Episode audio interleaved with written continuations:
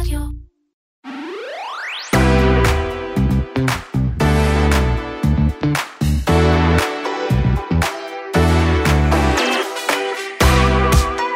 אחרי שבועות, אפילו חודשים של בשורות שחורות בהייטק הישראלי והעולמי, קצת בשורות טובות, וויז מדווחת על קצב הכנסות שנתי של 100 מיליון דולר.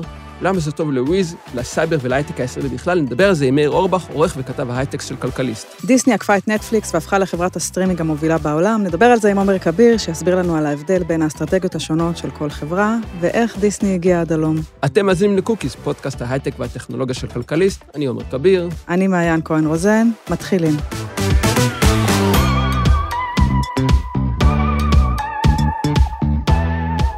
בדרך כלל כשאנחנו מביאים כאן את אה, מאיר או סופי, זה עם חדשות רעות, על אה, כמה המשבר רק מחריף. הפעם, לשם שינוי, אה, חדשות טובות, ואפילו אולי טובות מאוד. מאיר אורבך מכלכליסט, שלום מאיר. אהלן, שלום חבר'ה, מה שלומכם? בסדר. אנחנו רוצים לדבר על וויז, חברת הסייבר של אסף רפפורט, שגייסה בעבר לפי שווי של 6 מיליארד דולר, וחדשות טובות, הודיעה בשבוע שעבר שיש לה קצב הכנסות שנתי של 100 מיליון דולר. מאיר, בוא תסביר קודם מה זאת אומרת קצב הכנסות שנתי. זה אומר שאם, על פי החודש האחרון, אם היא תמכור כך ב-12 חודשים, היא תמכור ב-100 מיליון דולר. זאת אומרת, זה לא שהיא מכרה כבר 100 מיליון דולר, אלא שקצב המכירות שלה לשנה הנוכחית עומד על 100 מיליון דולר בשנה. חשוב להבין, ככה מודדים חברות ענן למיניהן. הן לא נמדדות, בגלל שהן מקבלות הכנסות חודשיות חוזרות, אז ככה הן נמדדות. הרי חברות ענן נמדדות לרוב על פי הכנסה חודשית חוזרת. דמי מנוי, דמי תשלום על פי כיסא, או על פי סיט זה נקרא, אז זה משתנה מאוד, אבל הן לא מקבלות מיליון דולר ואז נעלמים ללקוחות, לא. הן מקבלות כסף כל חודש. וויז זה מטורף, לא רק בגלל שהגיע ל-100 מיליון דולר, שהגיע הכי מהר מכל החברות כמעט אי פעם.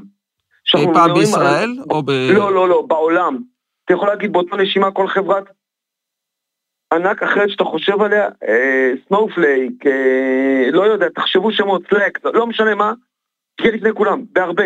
הגיע תוך 18 חודש פחות או יותר. זה ממש לא, אפילו לא נתפס עד כמה זה אה, מהר. אה, כאילו, זה לא שהופתענו לחלוטין מהעוצמה של החברה, כי יש שם חבורה של אנשים מאוד מוצלחת, אנשים שעבדו מאוד קשה כדי להביא אותם לשם, אבל הקצב וה... גם הפתיחות, להגיד את זה, היא מאוד, היא מאוד חזקה. היא סוף סוף גם מדביקה את השווי המטורף שלפני כמה זמן כולם צחקו עליה, אמרו מה, את בקושי מוכרת, וכבר שווי של 6 מיליארד דולר, אז עכשיו גם אסף רפורט אמרנו בריאיון, שהוא גם סוף סוף מרגיש הרבה יותר בנוח עם השווי, ולא צריך כל הזמן להצטדק עליו או לנסות להתפתל. גם החברה הזאת יש לה איזה, הרבה ניסו, אתה יודע, לגרום לאנשים לחשוב שהיא לא על אמת, והוא הוכיח לכולם שני דברים שהוא גם אומר הרבה, אחד, שתעשיית הסייבר מאוד חזקה, ושיש לכולם עוד מקום לגדול. גם המתחרים שלה מאוד מצליחים, שזה נורא, אין נתונים, אבל יודעים את זה. גם המתחרים, אורקה ואחרות, מצליחות מאוד. אולי לא 100 מיליון דולר מכירות, אבל cloud security זה חזק מאוד היום. עוד שנייה אני מדבר על תעשייה, אני רק רוצה אולי, חשוב עוד משהו להסביר, ובשני משפטים, מה הם עושים, וויז? מה המוצר שלך, חוץ מסייבר? תוכנה מאוד לא אגרסיבית, התכונה שלהם היא סורקת את המערכת שלך נורא מהר. מהרגע שמתקינים אותה נורא מהר, היא ממש רואה את כל המערכת שאומרת לך, שמע, אצל הבחור ההוא שיושב באוהיו עכשיו, יש חור אבטחה נורא רציני, רוץ לסגור אותו מהר. אתה מאוד פגיע בשרת של ה Exchange שלך, תקן אותו מהר. יש להם גם היסטוריה מאוד חזקה של מייקרוסופט, הם מכרו חברה בעבר, הם, ההגנה שלהם על, על השרתי מייקרוסופט נחשבת למאוד חזקה, הם פחות או יותר יכולים להגיד לכל אחד רמת הפגיעות שלו, איך לתקן, כמה מהר לתקן. והמערכת שלהם היא, עיקר היתרון שלה באמת, לדעת רבים, זה שהיא לא, היא לא מעמיסה למערכת, היא לא דורשת לך התקנה של ימים ושבועות, הכנסה כמו שנקרא אייג'נטים לתוך המערכות שלך, לא. זה הכל ללא agent, שזה בהרבה אחרים כיום הדבר שכולם מדברים עליו, אבל המערכת שלנו עושה את זה בהכי יעילות כנראה ובהכי קלות. אה, מאיר, דיברת קודם על, אה, על, על הסייבר כתעשייה. אפשר להגיד שהסייבר אה, חסין מפני המשבר שאנחנו חוברים בהייטק עכשיו? בוא, לא, לא חסין למשבר, mm-hmm. אבל הרבה, יותר, הרבה פחות פגיע מתעשיות אחרות שכן נפגעות. Mm-hmm. חברות יעדיפו לוותר על עוד תוכנת שיווק, על עוד תוכנת דאטה, אבל לא יוותרו על עדכון של מערכת סייבר, או החלפה למערכת סייבר איכותית יותר, משתי סיבות. א', כי הפושעים אה, לא קיבלו הודעה שיש משבר והם צריכים להפסיק לעבוד, וסיבה אחרת היא שכיום סייבר זה משהו שמנכ"לים מפוטרים בגללו ודירקטוריונים הולכים לתביעות ענק. אז כנראה שהסיבה השנייה היא הסיבה העיקרית שהאמריקאים שופכים שם כמויות עצומות של כסף, כי כמויות התביעות. שחברה לא שמה מספיק סייבר על אה, מערכותיה היא עצומה והם לא רוצים. הם מעדיפים לשפוך שם כסף מאשר באמת עוד מערכת שכרגע הם רואים עליה אפשר לוותר, ורואים את זה, הם יוותרו על המון דברים, אבל לא כל כך מהר על סייבר. במיוחד על חברת סייבר שהם יכולים להגיד, כולם קונים כזה, גם אני רוצה כזה. אני חייב כזה, אם יש לכולם כזה, אני צריך כזה. דיברת, הזכרת שדיברת עם אסף אה, אחרי ההודעה שלהם, מה אומרים, מה השלב הבא מבחינתם כעת? אה, ללכת לגיוס, להנפקה? לא, אה, כנראה שהם לא ימהרו לעשות עוד גיוס, כי הוא יצטרך לגייס בשווי מאוד גבוה, הוא יצטרך, אתה יודע, עוד פעם להיכנס לאיזה מערבות, יש להם המון כסף, המון המון כסף בבנק. אני מעריך שהשלב הבא שלהם זה פשוט פול גז על מכירות, ממש. הוא מתכוון להגדיל משמעותית את כוח האדם שלו, הוא מתכוון להגדיל משמעותית, הוא כבר סיפר שהוא לא רוצה להציב מיילסטון אחר, אבן דרך נוספת, אלא מיליארד דולר מכירות, שזה כמובן זה לא תוך 18 חודש, אלא שנים רבות, אבל הוא אומר שזה אבן דרך שהוא רואה בגלל השוק המטורף שבו הוא נמצא. זה שוק של מאות מיליארדי דולרים של ענן, שרק מחפשים שמישהו ישמור עליו נכון ויאפשר את העסקים בו. ללא סייבר זה תעשייה שאי אפשר לעשות בעסקים. אז המיילסטון הבא שלהם באמת כנראה לפי דעתי תהיה שתי אפשרויות. אחד, או שמישהו יקנה אותם בהמון כסף, ממש המון, אומרים על צפונית לעשרה מיליארד דולר בקלות, או שהם ינפיקו. אני לא חושב שהם יעשו עוד התעסקויות פיננסיות אחרות, אלא אם תבוא להם הצעה שהם לא יכולים לסרב לה, ואני לא יודע. שווי של 20 מיליארד דולר מאיזה משקיע שאתה חולם עליו, נגיד לצורך העניין. או איזה משקיע שירצה למכור מניות כ secondary. אבל אחרת זה או מכירה מטורפת שזה הוא מכחיש לחלוטין, אבל איך תדע, יש הצעות שאתה לא יכול לסרב להם ויש לך בעלי מניות, ושתיים, כנראה הנפקה אם יהיה שוק פתוח. לסיום, והזכרת את החסינות של הסייבר יחסית למשבר, אז אפשר להגיד שבעצם הסייבר נותן איזה אפוד הגנה לתעשיית ההייטק הישראלית?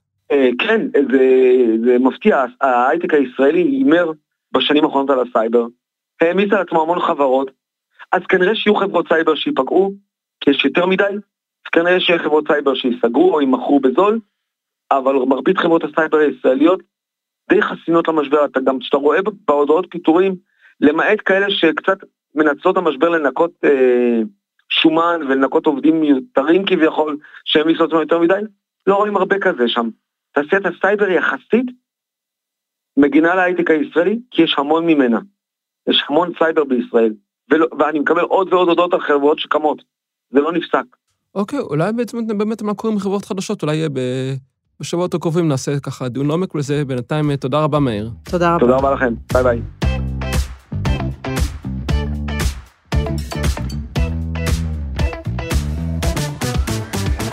דיסני היא היום חברת הסטרימינג הגדולה בעולם, ואנחנו לא מדברים רק על דיסני פלוס, אלא גם על ESPN פלוס ועל הולו. אה, בעצם עקפה את נטפליקס לראשונה בעולם. אה, ואנחנו רוצים לדבר על זה עם עומר. כן. כן, ממש איתך. כתבנו לענייני כן. סטרימינג. כן. ושטויות דומות.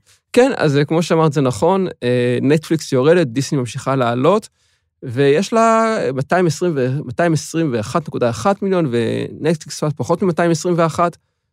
דיסני יש יותר מנויי סטרימינג, כן, כמו שאמרת את זה.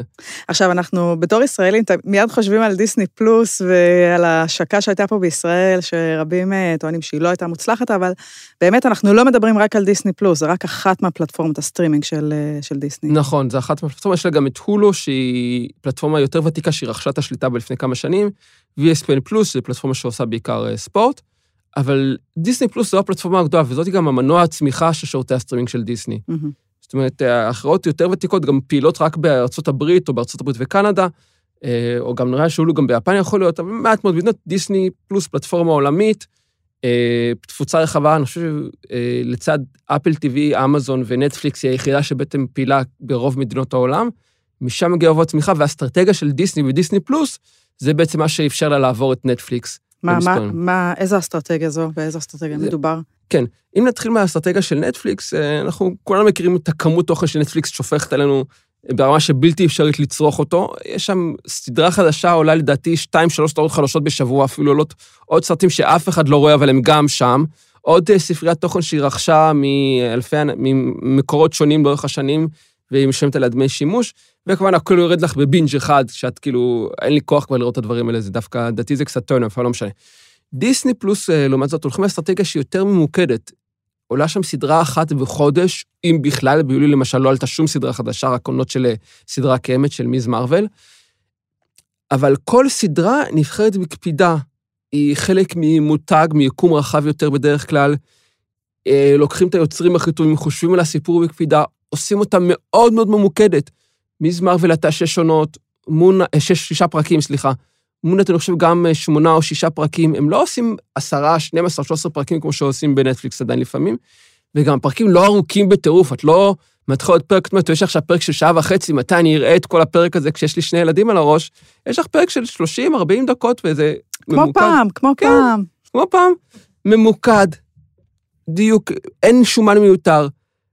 פרק בשבוע, אז יש לך את הזמן לראות את זה, את לא צריכה עכשיו את לא צריכה עכשיו לפתוח סדרה ולראות שיש לך בקלוג של 10-12 פרקים, שזה כבר גורם לך לייאוש. וזה עובד לכל סדרה של דיסני, ש, של דיסני פלוס שעלתה, כמעט כל סדרה הפכה לשיחה, הפכה לדיבור, תפסה איזה נישה תרבותית מסוימת. נטפליקס, גם יש לה הצלחות מאוד גדולות, אבל הן באות פעם ב... זה, יש לך, היה לך משחקי הדיונון והיה לך אה, דברים מוזרים, זה מה שהיה השנה. אפילו עונה, אפשר להגיד עונה שנייה של ברידג'טון, למרות שהיא לא מה תפסה כמונה הראשונה, אבל עדיין דיברו עליה. אבל דיסני, כל סדרה שלה עובדת. וזה מביא את המנויים, אנשים מוכנים לשלם את הדמי מנוי, 7.99 בארצות הברית, עכשיו מעלים את זה ל-10.99, כי הם מבינים שזה עובד. למרות שהם רק, למרות שנכנסים שם, רואים רק חצי שעה בשבוע, או שעה בשבוע, או שעתיים בשבוע. נטפליקס רואים הרבה יותר, היו נתונים של ניסל שהתפרסמו באביב, שאומרים שנטפליקס יש מעל טריליון דקות צפייה בעונת הטלוויזיה 2021-2022 בארצות הברית.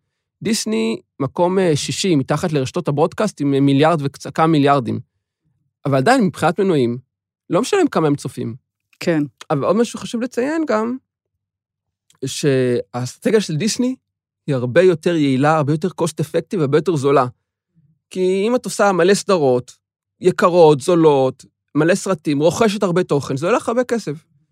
שלוש, שש, 12 סדרות בשנה, זה הרבה יותר זול, עם פחות פרקים, אומנם סדרות יקרות להפקה, אבל עדיין זה יוצא יותר זול. יש סיכון מסוים שאם נחשוד 2-3 סדרות, אז פתאום המנויים בורחים. מצד שני זה דיסני שהם יודעים מה הם עושים, אז אה, מנויים פחות יברחו מהם אה, מאשר... אה, זאת אומרת, הם, יש פחות סיכוי שיהיו להם כישלונות שיגרמו למנויים לברוח.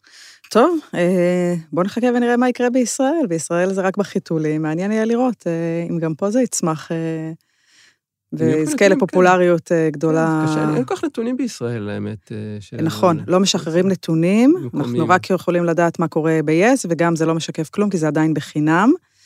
אז ייקח כן. קצת זמן עד כן. שאנחנו נדע מה קורה בישראל. אם בכלל, כן. כן. רק להזכיר שכמובן דיסני פלוס יש גם שירותים ותיקים חוץ מנטפליקס, כמו אמזון ואפל, כן. שלא ממש תפסו בישראל. זאת אומרת, לא, אין להם כל כך דיבור, בטח אפל, בטח אמזון, שבארצות הברית הוא מאוד חזק, בארץ הרבה פחות, דיסני פלוס יהיה קצת אחרת, כי דיסנוס באמת נכנסו עם הרבה קמפיין פרסומי והרבה כוח, וזה דיסני, זה מותג חזק שהישראלים אוהבים, אז זה אה, יצליח יותר מהם.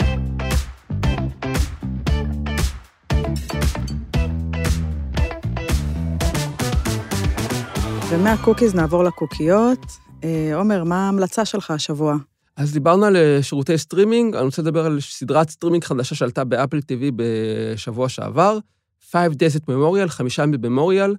מתארת בעצם חמישה ימים בבית החולים ממוריאל בניו אורלינס, בעצם בימים של הוריקן קטרינה, החל מהיום של הוריקן ועד החמישה ימים אחריו, ואיך הכל לאט-לאט קורס, או אפילו לא לאט-לאט, כי זה חמישה ימים, קורס ומתמוטט והופך לאסון הומניטרי גם בניו אורלינס בכלל וגם בבית החולים בפרט. הסדרה נפתחת בשוט של בית החולים אה, הרוס, חרב. זה דוקומנטרי? לא, לא, זה לא דוקומנטרי, זה תיעודי, מבוסס על אה, סיפור אמיתי, מבוסס על מאמר זוכה פוליצר של עיתונית הניו יורק טיימס, שרי פינק, וגם ספר שהיא כתבה אחר כך. זה מתחיל בצוותי הצלה שנכנסים לבית חולים שהוא כבר הרוס, מושבת, שותק, מוצאים שם 45 גופות, והשאלה היא איך הגענו למצב הזה, ואני חושב שזו סדרה מאוד מעניינת. אני אגב אני הייתי בניו אורלינס פעם ראשונה, תשעה חודשים אחרי שההוריקן אה, היה שם. הכתבה הראשונה שעשיתי לעיתונות ארצית הייתה כתבה להארץ, היה לי ניו אורלינס שמנסה להתאושש מההוריקן, והיא הייתה עדיין במצב קטסטרופה. זאת אומרת, מתחת לכל גשר היו שורה של מכוניות חרבות שעדיין עמדו שם תשעה חודשים אחרי ההוריקן. רחובות שלהם היו פשוט הרוסים, בתים כאילו שוממים חרבים, ולראות איך זה קרה, איך זה הגיעו לשם, זה די uh, מרתק. ואני חושב, אחד הדברים שאמרו שם, שמאוד תפס לי בפרק השני או השלישי, אמרו, אה, שאלו מה יקרה כשלא יהיה חשמל בבית חולים. ומישהו אומר, בית חולים בלי חשמל זה רק בניין. ומה שרואים כאילו, כמה התלות שלנו במוצרים המודרניים של חשמל, של טכנולוגיה, היא מאוד דקה, ואיך בשנייה אחת משהו יכול להרוס אותם ולחזור אותנו עשרות שנים אחורה, וזה אני קצת uh, מקשקש, דברים לא רלוונטיים. uh, אז חמישה ימים בממוריאל, באפל TV פלאס. אה, מה הקוקייה שלך? עכשיו לא בא לי להגיד את הקוקייה שלי, כי היא כל כך אה, נישתית אה, וכל כך בהשוואה לשלך, אז אנחנו נחזור רגע לאוגוסט, וזה כן. שאנחנו, כן. כאילו, לפחות אצלי נגמרו הקייטנות, ועכשיו אנחנו צריכים להעסיק את הילדים. וכמה יש לך? חמש וחצי. חמש וחצי, זהו, אנחנו כן. רשמנו את שלי, סליחה שאני כותב, לקייטנת שחמט. שזה, okay. שזה הכי חנוני שיכול להיות, הוא בן שש, והוא ממש רצה ללכת לזה, כי כל האחרים שלו הולכים. עכשיו אני לא מבין איך יצא לי ילד כזה חנון, אבל בסדר. יש לי דווקא תשובה לזה, אבל... אמ, אז תשמע, אמ, אז אני אוהבת, אני אוהבת, אה, אתה יודע שאני גולשת שעות בטיקטוק, בזמן שאתה רואה סדרות על, אה, על אוריקן קטרינה, אז אני רואה שטויות בטיקטוק. אה, ואחד הז'אנרים האהובים עליי במיוחד זה קראפט. אתה יודע, אני אוהבת לעשות כאילו יצירות כן, כזה, הכי אמרת אוקיי. סטיוארט. אה, ועכשיו אנחנו לקראת הלואוין, okay. אוקיי. וזאת העונה עם היצירות הכי מגניבות והכי מדליקות, אם זה, זה יכול להיות עוגיות, וזה יכול להיות, אה, אתה יודע, קישוטים, וזה זה כיף. אני עושה את זה עם הילד שלי, הוא מת על זה. אז אה, חפשו בטיק טוק או ביוטיוב, פשוט הלואוין קראפט או הלואוין בכלל, ותראו תראו, תראו הפתעות. סתם, מי שאוהב את זה, אני יודעת שזה נישתי לגמרי, אבל זה כיף. מה למשל?